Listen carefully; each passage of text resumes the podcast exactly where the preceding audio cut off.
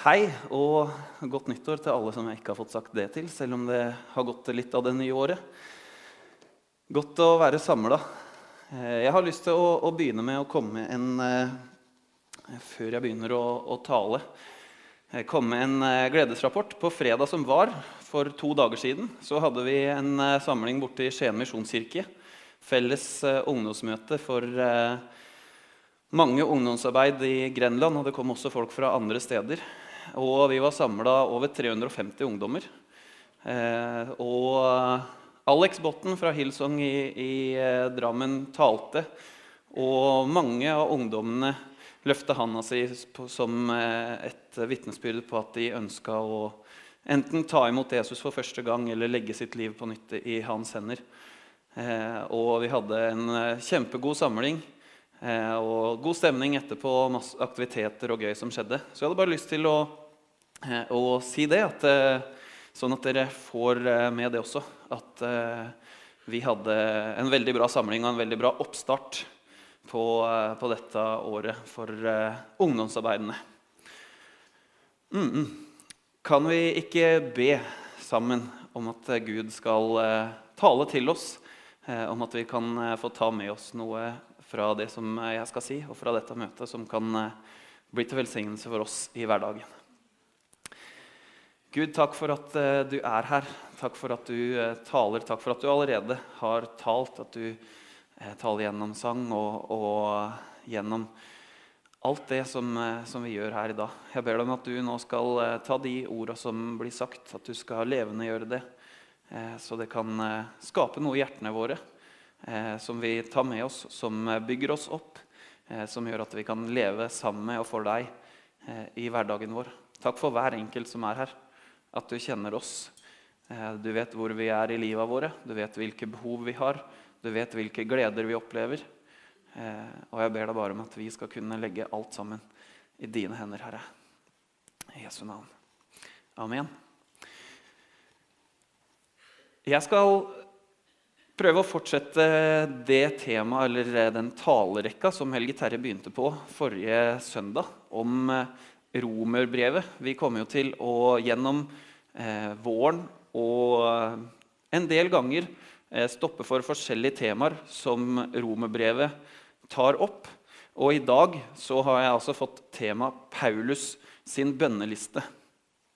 Og Når du hører ordet bønneliste, så tenker du kanskje fort på liksom en, en, liste med ja, jeg vet ikke hvor mange punkter, men mange punkter med konkrete bønneemner som vi ber for. Jeg har ikke tenkt til å prøve å si at jeg tror at jeg vet om alle de konkrete bønneemnene som Paulus hadde. Hvis jeg skulle brukt den preken på det, så tror jeg for det første det hadde blitt en veldig lang preken. Eh, og, og, for det andre så tror jeg nok at jeg både hadde kanskje, ja, kanskje ikke lagt til, men i hvert fall eh, glemt ganske mange av de punktene som Paulus hadde på sin bønneliste. Derfor har jeg heller lyst til å, å prøve å si noe om eh, hva som jeg tror Paulus syntes var viktig når han ba. Hva var det som prega Paulus sitt eh, bønneliv? Og utgangspunktet for eh, det som jeg skal si, er altså romerbrevet, og vi er i kapittel 1 og vers 8-11. Der står det først av alt takker jeg min Gud ved Jesus Kristus for dere alle. For i hele verden blir det talt om deres tro. Gud selv, som jeg tjener av hele mitt hjerte ved å forkynne evangeliet om Hans sønn, er mitt vitne på at jeg stadig nevner dere i mine bønner. Jeg ber om at det endelig en gang må lage seg slik at jeg kan komme til dere om Gud vil for jeg lengter etter å se dere, så jeg kan gi dere del i en åndens gave for å styrke dere. Her er det mange ting som, eh, som, vi skal komme tilbake til. Men jeg hadde lyst til å begynne veldig grunnleggende om at Paulus ber og takker sin Gud ved Jesus Kristus. Paulus sitt bønneliv handler om Gud. Og så sier du 'oi, dyp undervisning her på søndag'. Det har jeg aldri hørt før. At bønn handler om Gud. Men jeg tror at hvis vi skal forstå noe om eh, Paulus sitt bønneliv, og hvis vi skal kunne ta med oss noe av det og bli inspirert av det, så trenger vi å minne oss selv på hvem er det egentlig Paulus ber til? Hvem er denne Gud som Paulus ber til? Hvem var det Paulus trodde at Gud var? Og Jeg skal ikke bruke henvisninger på, å, på alle disse orda som nå kommer til å komme opp på skjermen, for det hadde tatt veldig lang tid. Men Paulus han trodde at Gud var allmektig. Han trodde at Gud var mektig til å gjennomføre de tinga som han ønska å gjennomføre. Paulus han trodde at Gud var en ærlig Gud. Det vil si at det som Gud sier, det kan vi stole på. Han trodde at Gud var full av kjærlighet. Det vil si at vi kan vite at Gud ønsker det beste for meg og for deg. At uansett hva som skjer, så er Guds ønske alltid vårt beste. Paulus han trodde at Gud var allvitende. Det vil si at hvis det plutselig skjer noe i ditt og mitt liv, så er det ikke sånn at Gud blir overraska. Oi sann, der skjedde visst det. Det hadde jeg ikke tatt med i beregninga at skulle skje. Jeg tror aldri det skjer for Gud, heldigvis. For han vet både vår fortid og vår nåtid og vår fremtid. Paulus han trodde at Gud var en Gud som var verdig vår oppmerksomhet, verdig vår tilbedelse. Så det vil si at når han kom fram for Gud, så var det ikke bare fordi han trengte ting, eller fordi han ville legge fram sine behov, men fordi Gud var rett og slett, ved å være Gud, ved å være den han er, var verdig hans oppmerksomhet, hans liv, hans fellesskap. Paulus han trodde at Gud var trofast. At uansett hva som skjedde, uansett om Paulus skulle være troløs, eller uansett om det skulle oppstå omstendigheter, så ville Gud alltid stå fast. At ingenting kan rokke ved at Gud ønsker å være sammen med oss.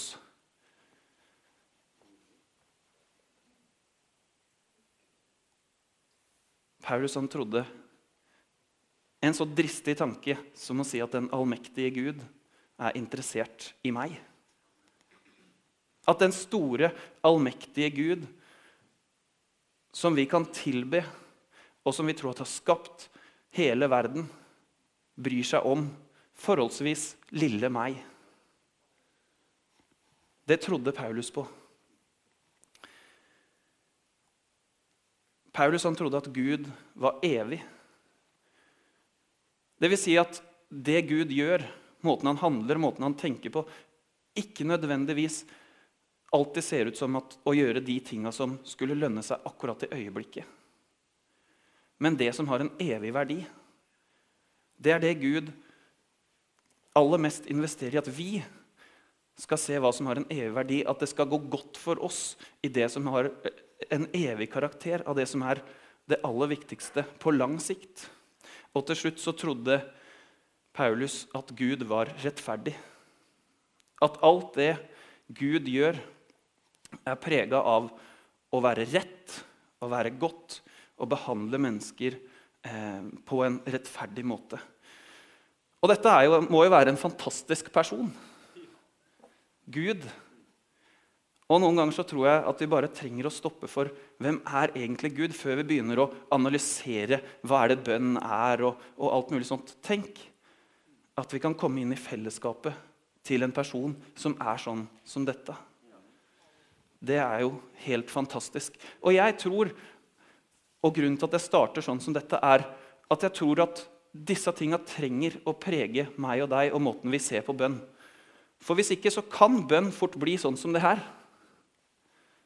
At du går til en automat og så peker du på det du vil ha. Og så får du det. ikke sant? Det er veldig praktisk med en colamaskin eller en godterimaskin. eller et eller annet. Fordi du kan velge hvilket produkt du vil ha, og så er det det som kommer ut. Og sånn kan vi behandle Gud noen ganger. At det vi kommer til Gud med, er en lang liste med behov og ønsker og ting som vi vil ha, eller som vi trenger.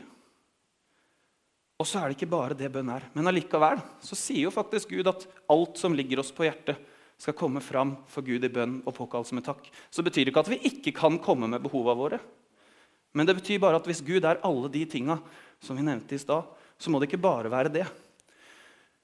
Gud er ikke bare én som vi skal komme til når vi har det vondt. Gud er så mye mer enn det. Gud er ikke bare en som Å, nå går livet litt dårlig, så da må jeg ta litt ekstra tid til Gud i bønn. Men samtidig er han jo det, for det står 'den Gud som gir all trøst'. Han trøster oss i all vår nød. Du, Gud han er ikke bare en sjef, en overordna som vi skal bøye oss for, som, skal, som kommanderer oss til å gjøre sånn og sånn og sånn. Han er så mye mer enn det, og hans karakter er prega så mye mer enn det. Men samtidig så sier Paulus at han ved Guds barmhjertighet formaner oss til å bære legemet fram som et levende og hellig offer som er Gud til behag, og at det skal være vår åndelige gudstjeneste. Du, Bønn handler ikke bare om å forstå Gud og prøve å få tanken rundt hvem Gud er, og få noen faktaer på plass om hvem Gud er. Det er jo mye mer prega av liv enn det. Og samtidig så sier Paulus at han ber om at vår Herre Jesu Kristi Gud, herlighetens Far, må la oss få den ånd som gir visdom og åpenbaring, så vi kan kjenne Gud. Så bønn handler faktisk også om å forstå Gud, om å lære oss hvem er Gud egentlig Hvordan er han? Og det, bønn er ikke bare prega av kamp og strid, av at vi skal innta noe men samtidig så er det jo også det. Ta på Guds fulle rustning, så dere kan holde stand mot djevelens lumske angrep. Alle disse sitatene er det Paulus som sier. Og det får oss til å forstå at denne Gud, som er alle disse tinga, ønsker å være en del av hele livet vårt. Om vi er der at vi føler at nå har jeg masse behov som jeg trenger å legge foran Gud. Eller om vi er der at nå står jeg i striden for et eller annet. Nå trenger jeg at, at Gud kommer inn og kommer med et gjennombrudd på en eller annen del av mitt liv. Eller bare at nå er jeg på et sted der hvor jeg trenger å sitte ned sammen med min far i himmelen og dele livet mitt med han. Eller alle disse andre situasjonene som, som jeg skisserte, så ønsker Gud å være en del av det. Og vi trenger at vår bønn er prega av at vi henvender oss til denne personen, Gud. At bønn ikke blir en greie. At liksom bønn og Bibel og å gå i menigheten på søndag det er de tinga vi gjør fordi vi er kristne. For å leve opp til en, en tittel om at vi er kristne. Men det er en person som vi henvender oss til, som ønsker å omslutte hele vårt liv, uansett hvor vi er, og at vi skal, bli, vi skal inkludere ham. Paulus skriver til menigheten i, i Efesus om at han ber om at han som er så rik på herlighet, må styrke oss i det indre mennesket med sin kraft og med sin ånd, så Kristus ved troen kan bo i våre hjerter, og vi kan stå rotfestet og grunnfestet i kjærlighet.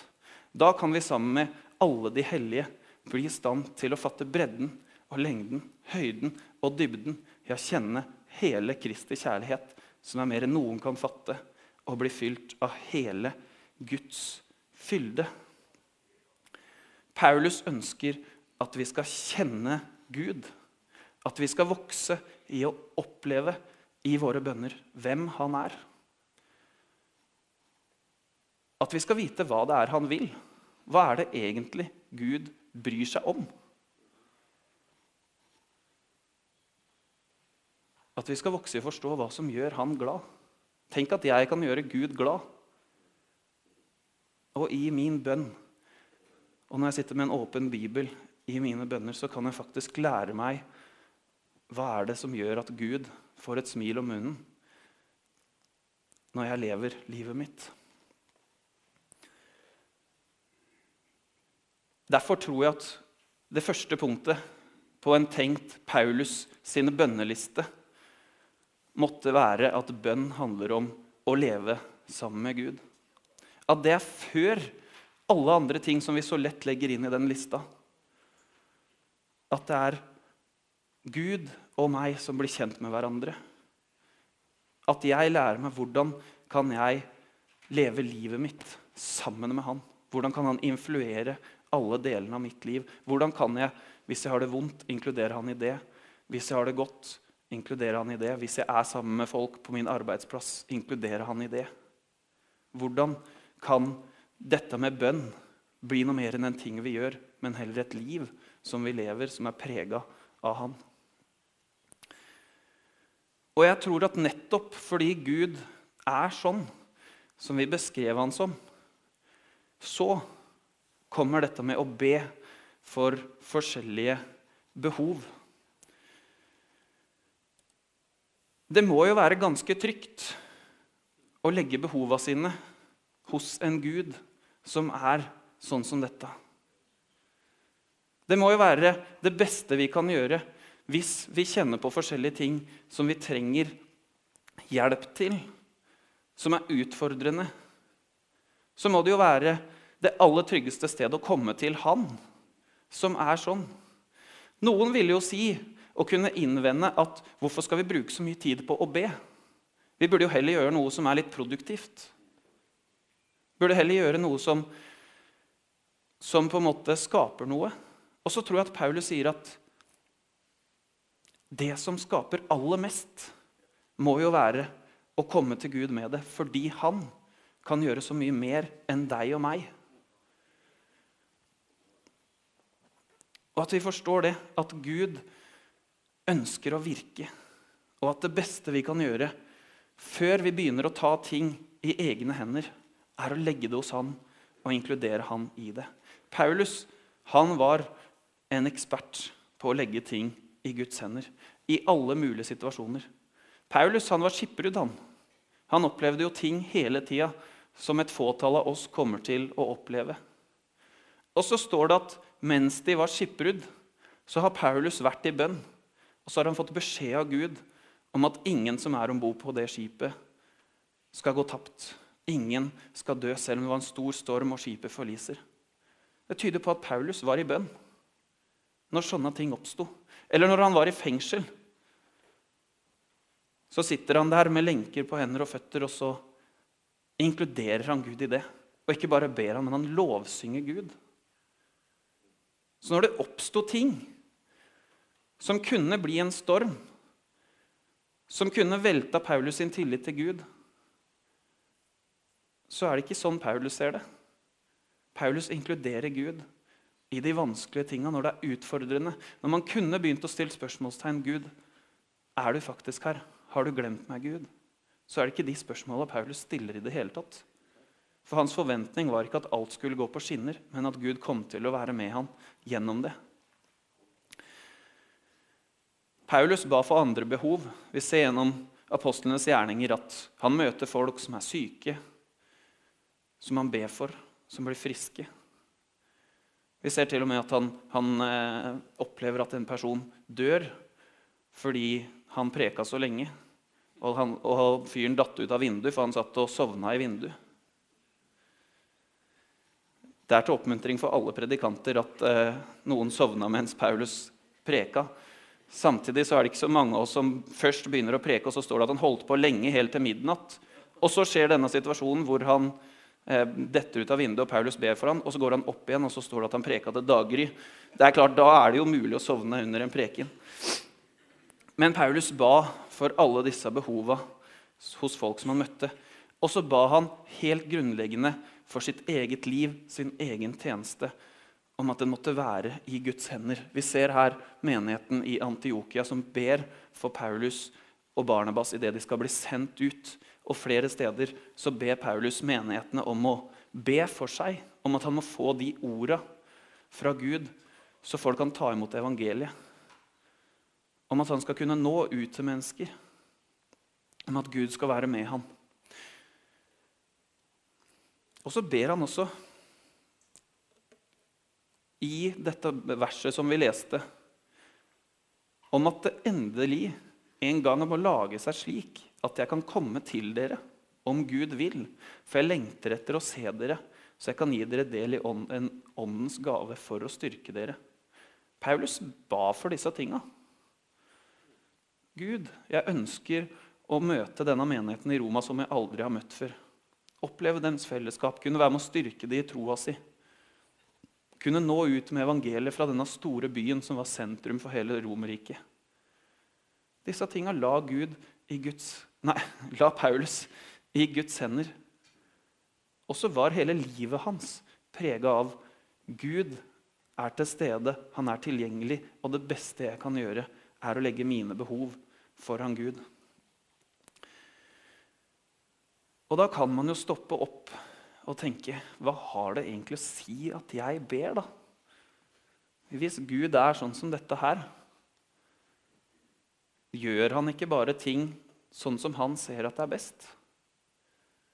Men så opplever vi gjennom Bibelen, egentlig gjennom hele Bibelen, både Det gamle og Det nye testamentet, at Gud ønsker å samarbeide med oss. At Gud ønsker å invitere oss med på det som han gjør. At han ikke har sagt at han vil kjøre et enmannsshow der hvor han gjør alt, men at han har invitert sin menighet på å inkludere ham. Til en viss grad tror vi kan si at Gud har gjort seg avhengig av våre bønner. Ikke sånn at han ikke kan gjøre noe uten at vi ber. Men på den måten at jeg tror at hvis vi ikke ber, så tror jeg vi mister noe av det at Gud kan, kan komme eh, Ikke fordi han ikke kan, men fordi han ønsker at hans menighet skal være med og forløse hans nærvær og hans kraft på forskjellige plasser i livet. Og jeg tenker, Tenk at Gud sier at våre bønner spiller en rolle. At vi kan gi rom for Guds plan og hans inngripen i våre liv. Det er jo et utrolig privilegium at du og jeg kan være en utstrakt arm fra, fra den allmektige Gud til mennesket. Og at våre bønner kan være med å skape noe. Og så er det jo selvfølgelig også et ansvar at vi faktisk ber, da. Fordi vi har rundt oss for våre behov. Sånn at Gud kan få lov til i enda større grad å slippe til. For jeg tror faktisk at det spiller en rolle at vi ber. Vi kan be for alle behov, tror jeg. Jeg tror ikke det fins noe som er for smått. Jeg er en sånn som hvis jeg har gått fem minutter og leita etter nøklene mine hjemme, så kan jeg finne på å be for å prøve å finne nøklene. Jeg vet ikke om det er noen andre som er sånn. Det er kanskje litt rart, men Og så har jeg en historie som jeg vet at noen har hørt før, for jeg fortalte den på Menighetsviken, men jeg liker å fortelle den. For det er et behov som ikke var et voldsomt stort behov, men allikevel at vi fikk oppleve Guds konkrete inngripen. Vi var en gjeng i 2011, så det begynner å bli noen år siden, også for meg, eh, som skulle til Hviterussland Eh, på tur, misjonstur. Eh, og så sitter vi på Gardermoen, skal til å dra, eh, og det er ja, det var 2011, som sagt. Så, men, men, det var litt tid da, før, før denne gaten åpna. Og, og, vi sitter der og venter når ei av de yngste jentene sier at 'jeg har mista passet mitt'. Passet mitt er borte, og det er Kort tid til gaten går. Vi får jo selvfølgelig ikke fiksa eh, noe nytt bevis for at hun skal kunne komme seg ut. Og så eh, lurer vi på hva gjør vi nå. Og så bestemmer vi oss for å be, da. Og så, eh, går, og så går vi rundt og prøver å leite. Og så sier hun at hun har vært på Narvesen, på flyplassen. Så jeg og en kompis går inn i Narvesen og begynner å leite litt. Og av alle ting så tar jeg fram et interiørblad det er den eneste gangen i hele mitt liv som jeg har lest et interiørblad. Eh, og jeg leste ikke hva som sto der heller. Eh, og inni dette interiørbladet så blar jeg opp på en side, og så ligger passet til denne, dame, denne jenta inni interiørbladet. Hun hadde aldri tatt opp det interiørbladet. Jeg har aldri lest et interiørblad i hele mitt liv. Jeg tror at Gud må ha hatt en finger med i, i spillet på den situasjonen. Som sagt, ikke en veldig viktig situasjon, egentlig. Det var jo ikke sånn at eh, det sto om verden eller livet eller noen ting på at vi skulle finne det. Men jeg tror at fordi vi inkluderte Gud, så greip han inn. Og så be folk for ting som er så mye viktigere enn det. Og så be folk for ting som er kanskje enda mindre viktige enn det. Og så ser vi noen ganger at Gud svarer veldig konkret. Og så ser vi noen ganger at vi skulle så gjerne ønske at Gud svarte mer konkret enn det vi ser. Og jeg skal ikke si at jeg har svaret på hvorfor Gud gjør sånn og sånn og ikke sånn og sånn. Men jeg tror at det hjelper at vi inkluderer Gud. Og jeg har sett gang etter gang, selv om jeg ikke ser det hver gang, ikke på langt nær, så har jeg sett gang etter gang at det hjelper å inkludere Gud. At Gud kommer eh, og gjør ting. Og jeg tror uansett om resultatet ikke blir det vi skulle ønske, så vet vi at Gud ser lenger og større og har mer kontroll over situasjonen enn oss og vi veit at det er trygt å komme til Han, så vi oppmuntrer oss til å legge store og små ting i Guds hender i vår hverdag. Og hvis det er sånn at vi kan gjøre det for oss, så kan vi også, og tror jeg også skylder vi, å gjøre det for andre. Hvis vi tror at det å legge ting i Guds hender hjelper, så skylder vi å ikke bare gjøre det for oss selv men for de som er rundt oss.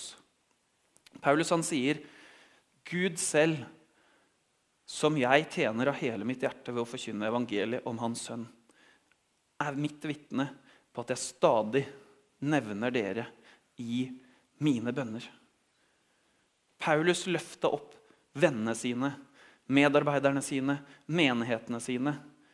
De som enda ikke hadde blitt frelst, løfta han opp til Gud hele tida. Stadig.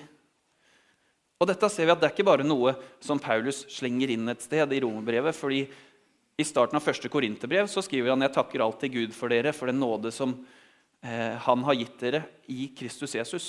Og i starten av Efeserbrevet derfor holder jeg ikke opp med å takke Gud for dere når jeg nevner dere i mine bønner. Og i starten av Filippe-brevet jeg takker alltid min Gud når jeg tenker på dere.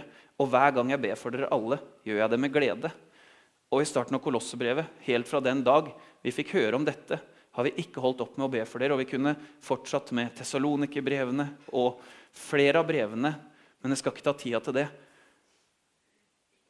Men i nesten hvert eneste brev som Paulus skriver, så begynner han med å understreke overfor menigheten at han står i en forbønnstjeneste for dem. At han inkluderer dem i sine bønner. At når han går framfor sin Gud, som er allmektig, som er god, som er alle disse tinga vi sa, så tar han også med de fram for Gud og legger dem i Guds hender og ber om Guds velsignelse. Og hvis det er noen konkrete ting, det ser vi også noen steder, at det er konkrete ting i menighetene, så ber Paulus for disse tinga, at Gud må løse dem, at Gud må komme og bringe det som bare han kan. Sånn at de skal få oppleve glede i troa, oppleve velsignelse, oppleve at selv i motgang så er Gud til stede, og alle disse tinga. Paulus han trodde at det beste han kunne gjøre for sine medmennesker, var å ta dem med seg inn i sitt bønneliv. Putte dem på bønnelista og legge dem foran Gud til stadighet. Og det er det beste for oss. La oss ta med oss det for de rundt oss. At det beste vi kan gjøre, hvis vi føler at vi noen ganger ikke strekker til i å møte alle behov som folk rundt oss har, så kan vi i hvert fall legge de foran Gud. Og det, jeg, sier, jeg sier ikke at vi skal gjemme oss bak den 'jeg ber for deg', og derfor så er det liksom det. Gud ønsker også at vi skal nå ut, at vi skal gjøre praktiske ting, at vi skal ta vare på mennesker, at vi skal bruke tid på dem hvis de har sosiale behov eller utfordringer i livet sitt. Men det viktigste vi kan gjøre for andre mennesker, er å anbefale dem foran Gud og be Gud Gud, vil du ikke gjøre noe i denne personen sitt liv? Vil du ikke løse denne utfordrende situasjonen som den familien har i sin økonomi? Eller vil du ikke være med å skape et godt miljø rundt den personen som er litt aleine. Eller sånne ting. Alle behov som mennesker rundt oss har, er viktig for Gud. Og vi kan være noen som står og anbefaler de foran Gud. Jeg tror også at når vi gjør det, så kommer vi til å bli svaret på våre egne bønner i mange tilfeller. At hvis vi ber for noen, legger de foran Gud, så kommer Gud til å legge på hjertet vårt hva kan vi gjøre Hvordan kan vi være en utstrakt arm fra Han? Og så blir det vi som bringer noe foran Gud, og så bringer han løsninga tilbake gjennom oss. Ikke alltid, men jeg tror at det veldig ofte skjer når vi tar med folk foran Gud. Derfor har jeg lyst til å utfordre deg for dette året som vi nettopp har gått inn i.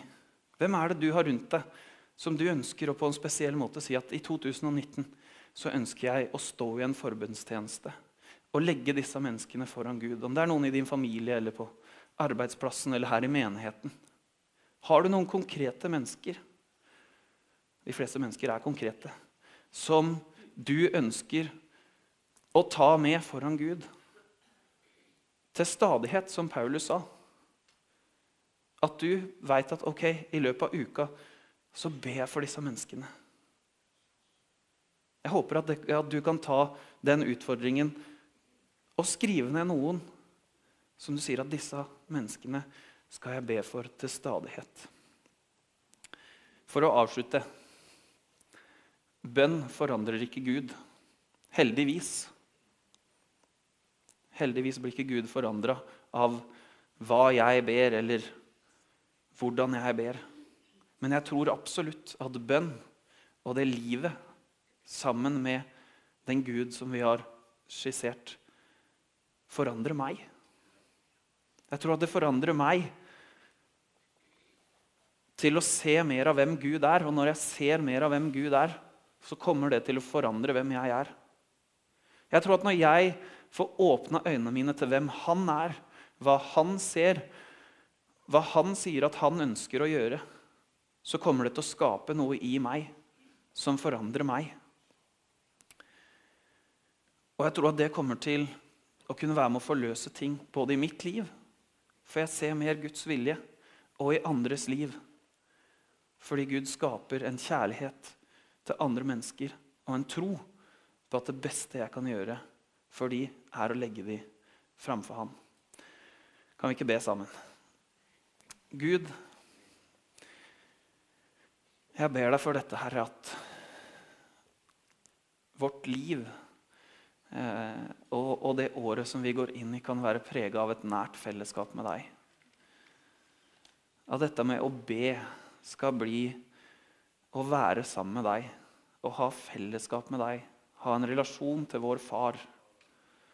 Takk for at det er det du først og fremst ønsker. Jeg ber deg om at, at vi dette året skal erfare at vi, vi ser nye sider ved deg.